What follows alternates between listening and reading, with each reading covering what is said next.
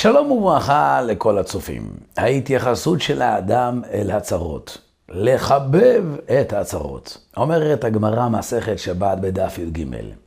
כתוב במגילת הענית, חנניה בן חזקיה וסיעתו היו מחבבים את הצרות. אמר רבן שמעון בן גמליאל, גם אנחנו מחבבים את הצרות. ומה נעשה? שאם באנו לכתוב, אין אנו מספיקים. במגילת הענית כתוב, על ימות השנה שבהם הראו ישועות וניסים לאבותינו, ואסור להתענות בהם, אסור להספיד בהם. אומר רש"י, מה הכוונה מחבבים את הצרות?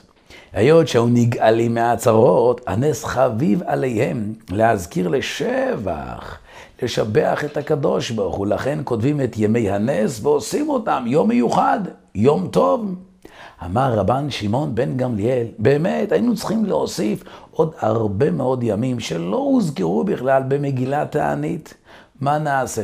אם נכתוב את הכל, לא, נס, לא נספיק, הרי צריכים כל כמעט יום לעשות יום טוב, ניסים תדירים כל כך.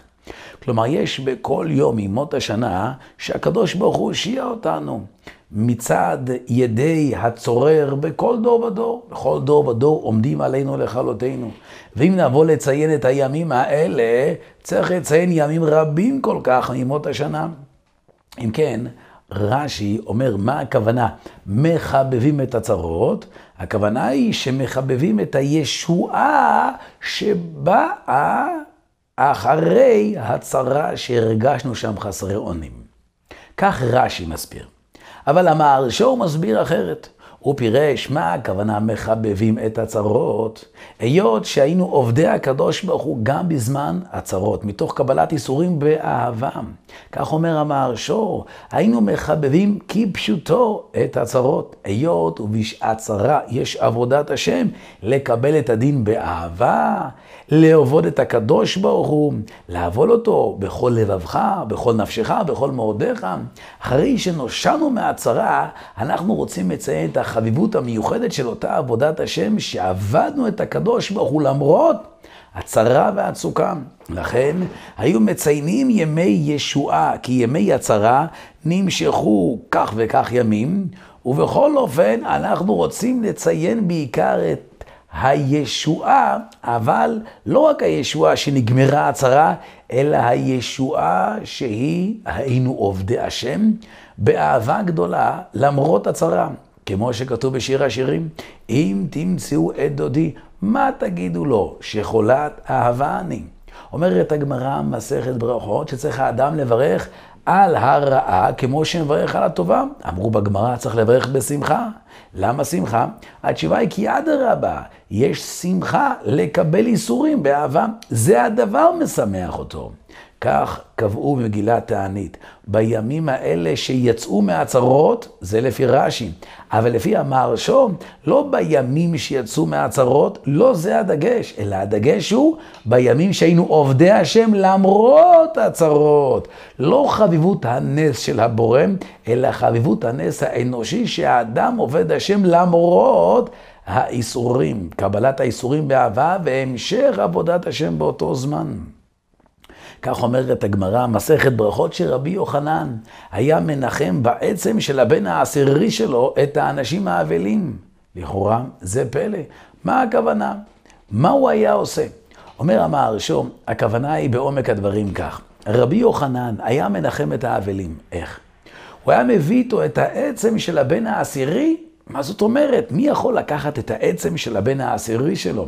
אלא התוספות כתבו שהוא השאיר עצם מסעודת ההבראה שהוא אכל בחזרה מקבורת הבן העשירי.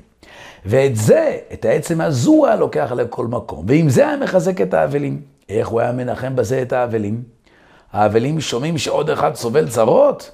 כך דרך הצדיקים? לעשות תזכורת, לא לשכוח את האסון? לא. אומר המהרשו, הוא היה שומר את העצם של סעודת ההבראה שהוא אכל כשהוא חזר מקבורת הבן העשירי. את העצם הזו הוא היה שומר בכיס כל הזמן. ולמה? כדי שיזכור איך הוא היה עובד השם מתוך האיסורים בשמחה. וכך היה מנחם את האבלים. שתחשבו ותייקרו כמותו את עבודת קבלת האיסורים באהבה. אם כן, זו הכוונה. שמחבבים את הצרות, אומרת הגמרא, לגבי מגילת הענית שהיה חנניה בן חזקיה וסיעתו מחבבים את הצרות, הכוונה היא מחבבים את העבודה שעובדים את הקדוש ברוך הוא בקבלת איסורים באהבה. יש נס שהקדוש ברוך הוא עושה, ויש נס שבני אדם עושים, שישראל עושים, שמקבלים איסורים באהבה. ואוהבים את הקדוש ברוך הוא למרות כל הצרות. לא נס שעושה הבורא, אלא נס שעושה האדם ממשיך לעבוד את הקדוש ברוך הוא למרות הצרות הקשות, למרות האיסורים, זה מופת גדול מאוד. עברנו את מסעות הצלב, אינקוויזיציות, שמדות, גזירות, רציחות, שריפות, ויהודי קם מתוך כל האפר, מנער את עצמו מתוך האבלות, והוא רץ לבית הכנסת להניח תפילין, פאר על הראש, ציצית, מתעטף, מתפלל. לא רק הקדוש ברוך הוא עושה נס כביכול, אלא גם עם ישראל עושים נס. נס אנושי. אז אם כן, לדעת רש"י, נכתבו במגילת תענית הניסים שעשה הקדוש ברוך הוא. לדעת המהרשו, נכתבו הניסים שעשו ישראל שמסרו נפשם על קיום המצוות. האדם רוצה לעשות ברית מילה לבן שלו, ציווה הקדוש ברוך הוא כך לעשות, קראת עם זה ברית. מה הוא עושה? הולך ומתחבא במערה, במרתף, לקיים מצוות השם, זה פלא. קדוש ברוך הוא בורא עולה ומלואו, והציווי שלו אי אפשר לקיים את זה? התשובה היא כן. זה נס שבני ישראל עושים עם הקדוש ברוך הוא. זו הכוונה, מחבבים את הצרות. יש עבודה מתוך הצער והאיסורים שאוהבים את הצרות, אוהבים את הצרות, כי אז עובדים את הקדוש ברוך הוא מתוך עבודה של קבלת איסורים באהבה. אם כן, זו מעלה גדולה מאוד. בני האדם בהרבה מאוד מקרים, מתי שקשה, כואב, אז עובדים השם. לא תמיד שמים לב למעלה הגדולה. יכול להיות שבזמן שהיו באושוויץ, לא תמיד חשבו על התועלת הגדולה שיש. אבל לאחר מעשה, ודאי שאנחנו יכולים ללמוד מאותם אנשים ולהגיד איזו גבורה הייתה שם. אולי גם הם חשבו ככה, איזה גבורה הייתה שם. לפעמים האדם רק למפרע שם לב כמה ייסורים עברתי, כמה קשיים עברתי. האמת, אם הייתי חושב על זה בשעת מעשה, לא הייתי עושה כל מה שעשיתי. אבל מאחר מעשה, איזו עוצמה, למרות הייסורים בבני חיי ומזוני, בכל אופן המשכתי בעבודת השם.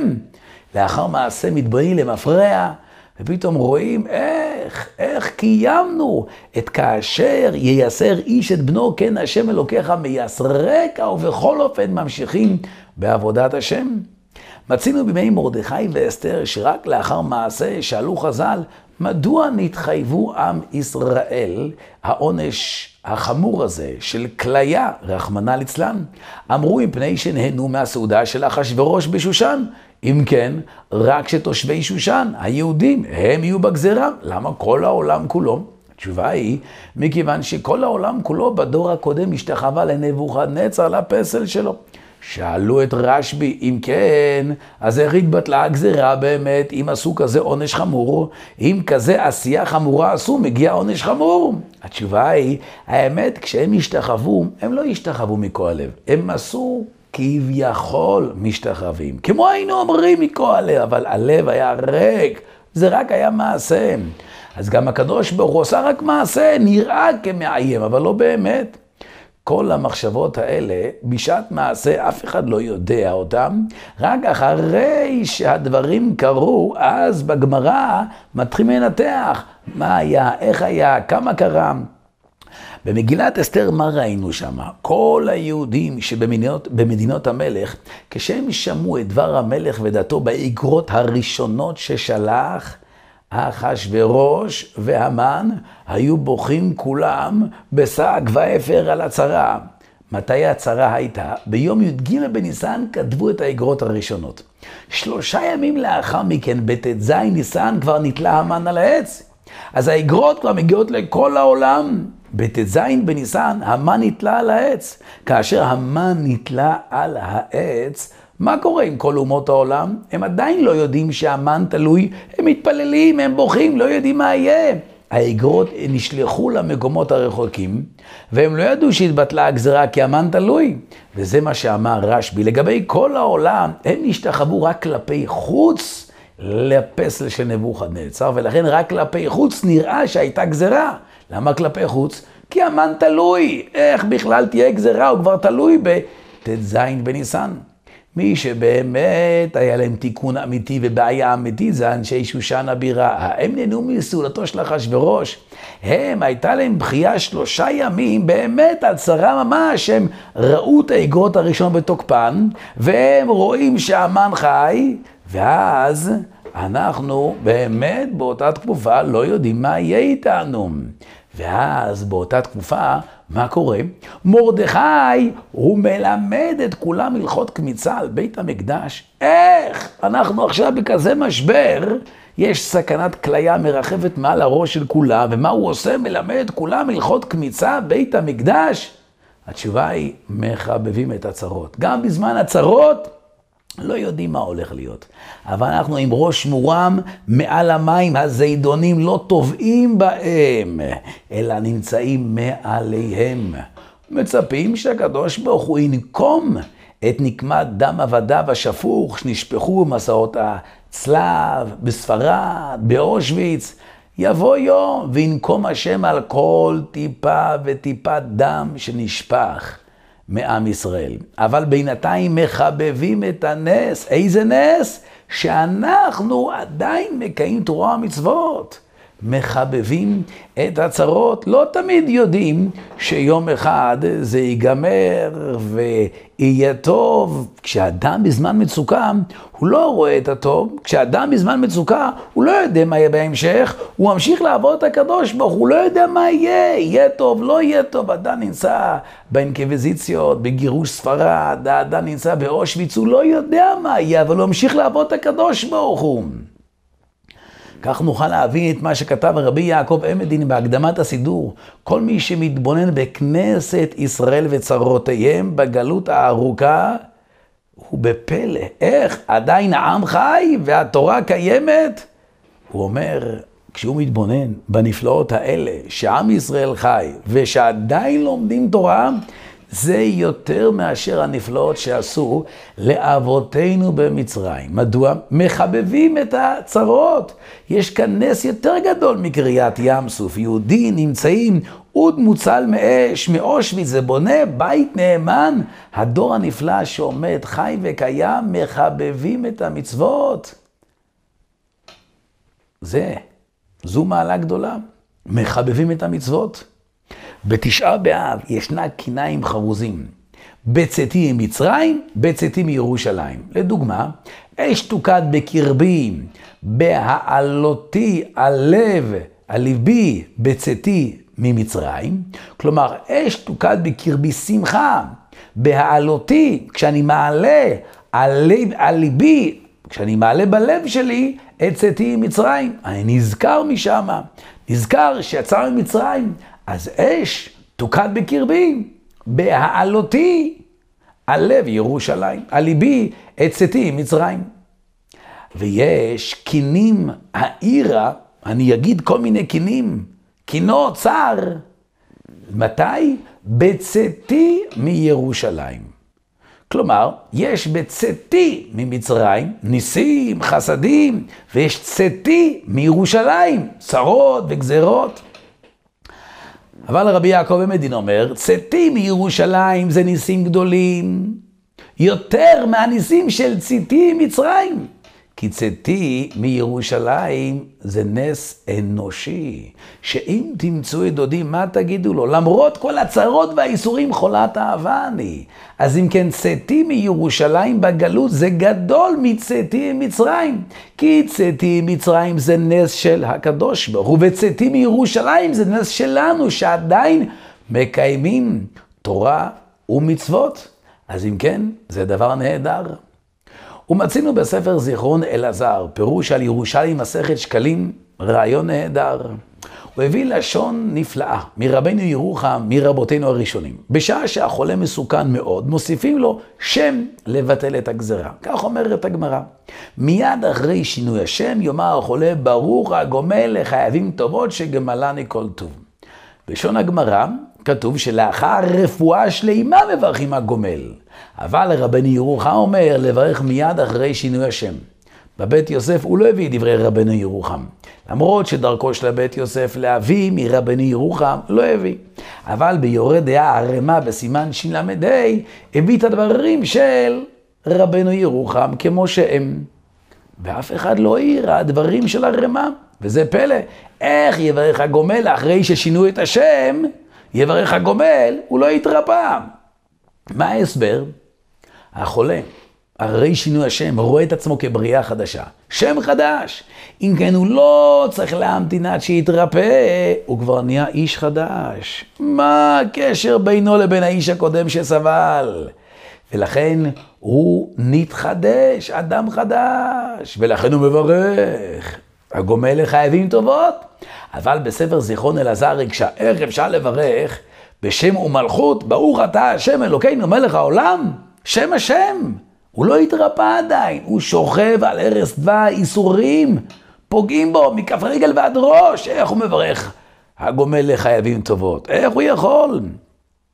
התשובה היא, הוא מברך לשבח על כפרת העוונות. כי אומרת הגמרא, מסכת נדרים, אין החולה עומד מחוליו עד שמוחלים לו על עוונותיו, כך אומרת הגמרא בנדרים.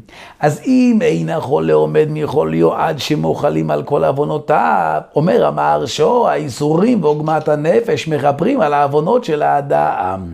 הגומל לחייבים טובות, נתכפרו העוונות על ידי האיסורים. בעצם כל אחד הוא בעל איסורים, יכול לברך בעצם הגומל על שנתכפרו עוונות, הקדוש ברוך הוא גמל איתו.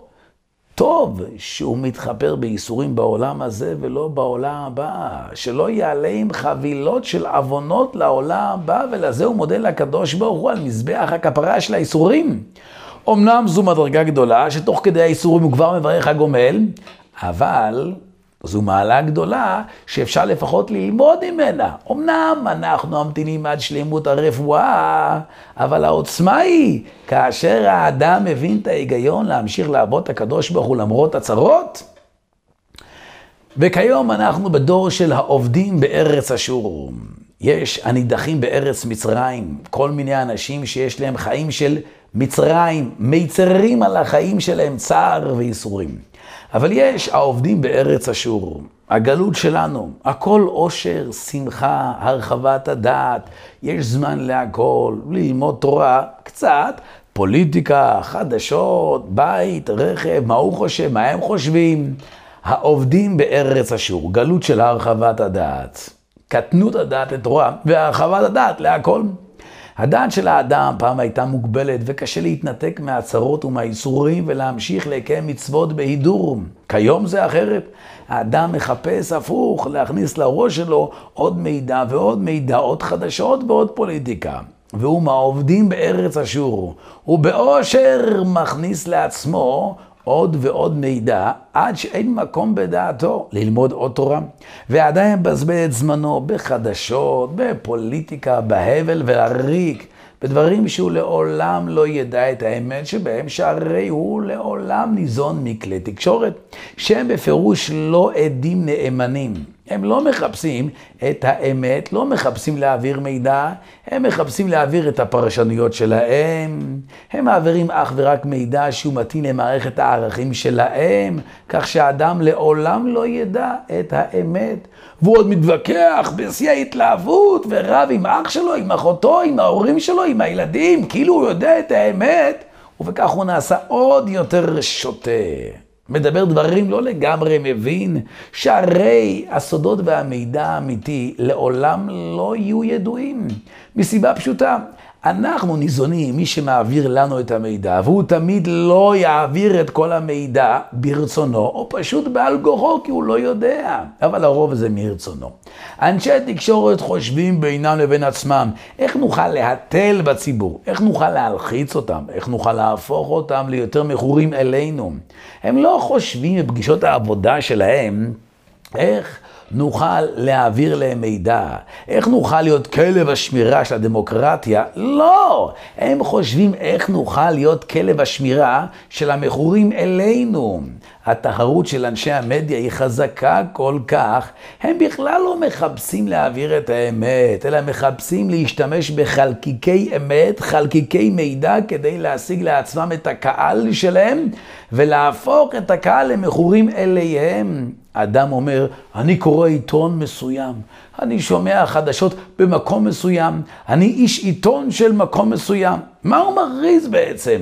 הוא מכריז בקול רם, הצליחו לעבוד עליי, הצליחו לעשות אותי מכור, הצליחו לעבוד עליי שהם האמינים ביותר, שהם הישרים ביותר. בקיצור, הם אלה שזכו והפכו אותי למכור אליהם. ובכך האדם משרת אותם ועוד מתגאה בכך שהוא איש ערכי ואמיתי, שהרי הוא שייך לאנשי אותו עיתון, החברה הזו, הערוץ התקשורתי הזה, ועוד האדם שומע בתקשורת דברים על השלטון ועל הפוליטיקה, או מה שמעניין היום יהיה לא מעניין מחר, ויהיה משעמם חדש. הרי המידע ששמענו היום, מחר, עוד היום ינסו להפריך אותו, כי כולם בתחרות מחדש. מי יותר מקורי, מי יותר חכם, כל אחד עם הפרשנויות שלו, כל אחד עם החלום שלו, שתהיה מהפכה, שתקום ממשלה, שתתפרק ממשלה, שתתקיים ממשלה.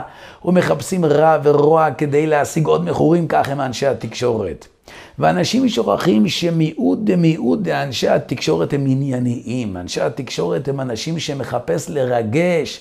אנשי התקשורת מחפשים לרגש, לעניין, לשנות, להיכנס למחשבות של האנשים האחרים. ככה הם הרי לומדים תקשורת, ככה הם מתחנכים בתקשורת. אז מה פתאום מישהו חושב שהם דוברי אמת, ועוד מקשיב להם ועוד מתווכח על בסיס מה שאומרים? צריך להיות איש תקשורת עם הרבה יראת שמיים כדי להעביר מידע אמיתי, ויש כאלה, אבל הם מיעוט דמיעוט.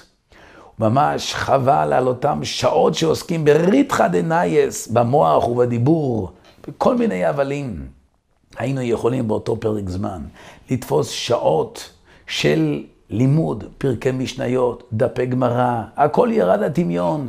הרי גם אם לא יצויר, הדבר תלוי בהחלטה המכובדת שלנו. שוב, יתהפך הכל עלינו, ונעלה חרס, שהרי גם אם נחליט היום משהו אחד, מחר יחליטו משהו אחר על מה שאמרנו, לאף אחד לא אכפת מהדעה שלנו, אין משמעות לדעה שלנו. הכל כקליפת השום, חבל על הזמן לשמוע חדשות. מה שהיה כתוב לפני שבועיים, אם מישהו יגיד את זה היום, זה כל כך משעמם, זה מאוס, זה דוחה. אנשים רוצים לדעת מה יקרה עוד דקה, עוד חמש דקות, עוד מחר. מי רוצה לדעת מה קרה אתמול? אבל אתמול שעות בזבזתי לקרוא את זה. והיום אני צריך למחוק את יום האתמול, כי האתמול מאוס.